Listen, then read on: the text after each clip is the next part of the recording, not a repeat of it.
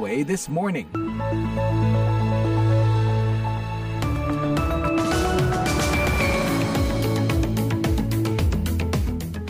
Selamat pagi, welcome to VOA This Morning yang kami siarkan live dari Studio 17 VOA di Washington DC bersama saya Rifan Dwi Astono. Apa kabar? Gimana nih cuaca di tempat Anda masing-masing? Kalau di sini di Amerika Serikat cuaca panas masih terus berlangsung termasuk sepanjang akhir pekan kemarin nih waktu saya liputan di Miami. Dan kami punya update berita soal cuaca panas ini untuk Anda hari ini.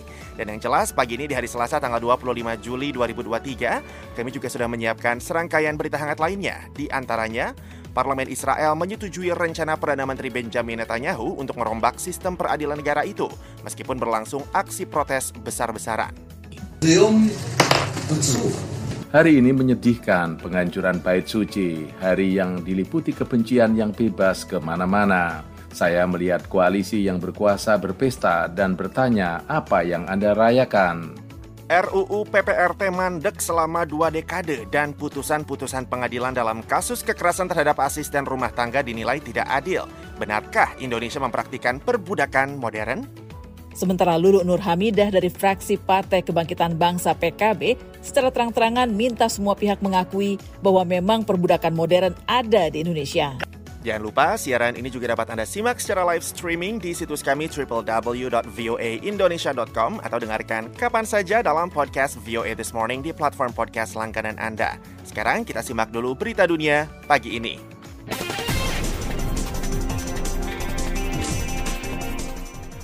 Inilah berita dunia VOA Washington. Presiden Rusia Vladimir Putin pada hari Senin menandatangani undang-undang baru yang menjadi tahap terakhir untuk melarang prosedur penggantian jenis kelamin, sebuah pukulan telak bagi komunitas LGBTQ+ Rusia yang selama ini kerap menjadi sasaran. Undang-undang yang disetujui dengan suara bulat oleh kedua majelis parlemen itu melarang intervensi medis apa pun yang bertujuan untuk mengubah jenis kelamin seseorang serta mengubah gender seseorang dalam dokumen-dokumen resmi dan catatan publik. Satu-satunya pengecualian adalah intervensi medis untuk mengobati kelainan bawaan. Undang-undang itu juga membatalkan pernikahan yang salah satu dari pasangannya memiliki gender yang diubah dan melarang transgender memiliki orang menjadi maksud saya menjadi orang tua asuh atau angkat. Larangan itu disebut berakar dari upaya pembasmian yang dilakukan oleh Kremlin untuk melindungi apa yang dianggapnya sebagai nilai-nilai tradisional negara tersebut. Anggota parlemen menyebut legislasi itu dibuat untuk mengawal Rusia menghadapi ideologi barat yang anti keluarga, di mana beberapa di antara mereka menyebut prosedur peralihan gender sebagai tindakan setanisme murni. Memasuki hari ke-100 konflik di Sudan, berbagai kelompok advokasi mengimbau negara tetangga Sudan, Mesir, agar mempermudah persyaratan bagi pengungsi untuk memasuki negara itu, dengan alasan mereka menghadapi situasi yang mengerikan. Pasukan bersenjata Sudan dan kelompok paramiliter pasukan dukungan cepat masih terus saling berperang sejak 15 April lalu, memicu krisis kemanusiaan di dalam negeri dan negara-negara tetangga. Diperkirakan sebanyak 3 juta warga Sudan telah mengungsi akibat perang tersebut. Hampir 2,5 juta di antaranya di dalam negeri.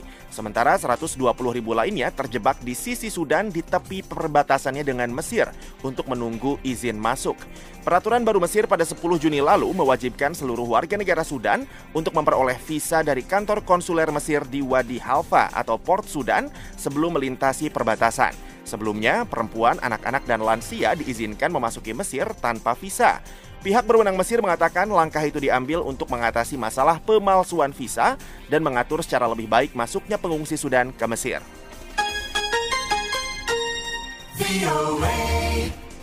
Aktivis iklim Greta Thunberg dipindahkan secara paksa oleh polisi dari aksi unjuk rasa di kota Malmo, Swedia Selatan hari Senin, selang beberapa jam setelah pengadilan setempat mendendanya karena tidak mematuhi polisi saat melakukan aksi protes serupa bulan lalu. Sebelum berunjuk rasa, Thunberg mengaku kecewa pada sistem peradilan Swedia setelah dirinya difonis bersalah.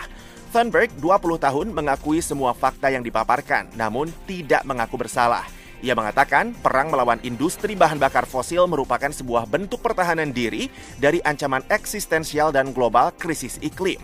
We know that we cannot uh, save the world by playing by the rules because the rules have to be changed. Kita tidak bisa menyelamatkan dunia dengan mengikuti peraturan, karena peraturannya harus diubah, kata Thunberg kepada wartawan setelah menghadiri sidang putusan. Pengadilan menolak pembelaannya dan mendendanya sebesar 2.500 kronor, sekitar 3,6 juta rupiah. Dakwaan dilayangkan terhadap Thunberg dan beberapa aktivis muda lain dari gerakan Reclaim the Future karena menolak perintah polisi untuk membubarkan diri setelah memblokir aksi jalan menuju terminal minyak di kota Malmo, Swedia Selatan 19 Juni lalu. Kita beralih ke Inggris. Pengadilan di Inggris pada hari Senin memerintahkan seorang mantan politisi Nigeria dan rekan-rekannya yang terlibat dalam tindak kejahatan bersamanya untuk mengembalikan uang sebesar 130 juta pound sterling atau sekitar 2,5 triliun rupiah yang ia rampas selama menjabat sebagai gubernur negara bagian Delta di Nigeria. James Ibori, gubernur flamboyan dari negara bagian yang kaya minyak di Nigeria Selatan antara tahun 1999 dan 2007, dipenjara di Inggris pada 2012 karena terlilit kasus pencucian uang dan penipuan menyusul operasi yang dilakukan oleh Kepolisian Metropolitan London. Penyelidik keuangan dari Dinas Kejahatan Nasional Inggris kemudian memproses penyitaan. Mereka mengatakan Ibori telah mengumpulkan harta dari tindak kejahatannya senilai hampir 2,2 triliun rupiah dan hakim dalam sidang penyitaan di pengadilan Southwark Crown London pada hari Senin memerintahkannya untuk mengembalikan uang sebesar sekitar hampir 2 triliun. Pengacaranya sendiri yang berbasis di Inggris, Badresh Babulal Gohil, diperintahkan membayar uang sebesar sekitar 600, 500 miliar rupiah. Ibori akan menjalani hukuman penjara 8 tahun jika tidak mematuhi perintah tersebut. Sementara Gohil diberi waktu 6 bulan untuk membayarkan uang tersebut atau dipenjara selama 6 tahun. Kasus mega korupsi itu menghasilkan kesepakatan yang ditandatangani Nigeria dan Inggris untuk memulangkan uang tersebut. Demikian berita dunia VOA Washington.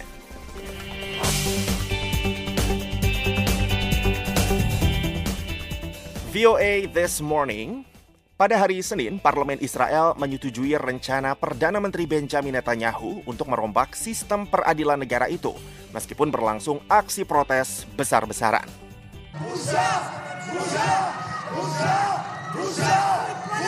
Pemungutan suara dilakukan setelah berlangsung sesi kacau di mana anggota pihak oposisi meneriakan kata memalukan dan keluar dari ruang sidang. Hasil ini mencerminkan tekad Netanyahu dan sekutu-sekutu ekstrim kanannya untuk melanjutkan rencana mereka meskipun ada protes besar-besaran dan terus-menerus selama berbulan-bulan serta penentangan dari pemimpin bisnis Korps Tentara Cadangan dan pejabat hukum. Menteri Kehakiman Israel Yair Levin mengatakan, ini sudah pasti momen yang luar biasa. Kita melakukan langkah pertama dalam proses bersejarah yang penting, membuat amandemen pada sistem yudisial dan pemulihan hak-hak yang diambil dari pemerintah dan Knesset. Sebaliknya, pemimpin oposisi di parlemen Yair Lapid mengutarakan kesedihan dan kekecewaannya dengan kejadian hari ini. Hari ini menyedihkan penghancuran bait suci, hari yang diliputi kebencian yang bebas ke mana-mana. Saya melihat koalisi yang berkuasa berpesta dan bertanya apa yang Anda rayakan. Apakah karena Anda telah mencopot negara Yahudi? Lapid melanjutkan dengan mengatakan, pemerintah merayakan momen mereka berhasil membuang hal-hal yang mempersatukan kita. Pada bagian lain dari pidatonya, Yair Lapid mengatakan,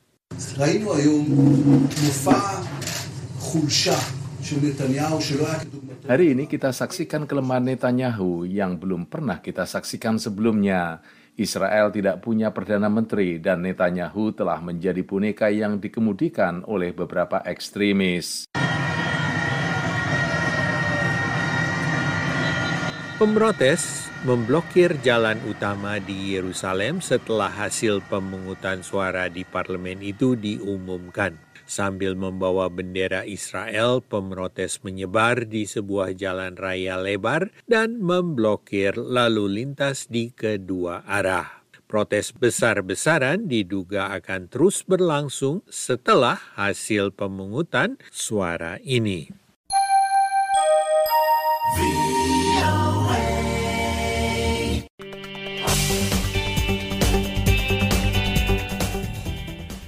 Suhu udara tinggi yang memecahkan rekor diperkirakan akan terus bertahan pada pekan ini di beberapa belahan dunia. Sementara para ilmuwan mengaitkan peristiwa cuaca ekstrim ini dengan perubahan iklim, Paus Franciscus mendesak para pemimpin dunia untuk memeranginya. Berikut laporan selengkapnya. Dari Spanyol sampai Lebanon hingga Amerika, hawa panas terus memecahkan rekor pada musim panas ini. Organisasi Meteorologi Dunia mengaitkannya dengan pemanasan bumi Pemimpin Katolik dunia, Paus Franciscus, pada hari Minggu menjelaskan penderitaan yang disebabkan oleh perubahan iklim terhadap banyak makhluk hidup di sekitar planet ini dan mendesak para pemimpin negara di dunia untuk melawannya. Saya memperbarui seruan saya kepada para pemimpin negara untuk melakukan sesuatu yang lebih nyata untuk membatasi emisi pencemaran.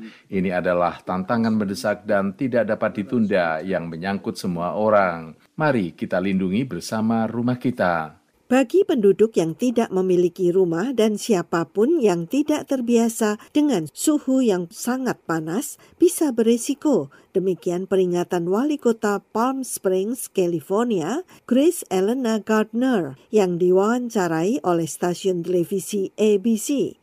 When your body isn't used to these high temperatures, it can go into a shock. Ketika tubuh kita tidak terbiasa dengan suhu panas, bisa berdampak buruk. Jadi, jika kita tidak bertindak sekarang dan tidak memastikan bahwa kita melakukan langkah yang diperlukan untuk mengurangi dampak perubahan iklim, maka kita akan melihat dampak yang semakin buruk. Pekan lalu, Tiongkok dan Amerika, dua penghasil gas rumah kaca terbesar, melanjutkan pembicaraan tentang cara mengatasi masalah itu. Namun, tidak ada pemecahan. Gubernur negara bagian Washington, Jay Inslee, mengatakan pada acara TV ABC This Week bahwa diperlukan upaya bersama untuk melawannya. Ini adalah masalah yang bisa dipecahkan, tetapi kita harus berhenti menggunakan bahan bakar fosil. Itulah satu-satunya solusi untuk menghadapi dampak yang sangat besar terhadap kemanusiaan ini. Peramal cuaca memperkirakan gelombang panas akan berlanjut selama beberapa hari lagi atau berminggu-minggu di berbagai belahan dunia. Puspita Sariwati, VOA, Washington. Voice of America, VOA.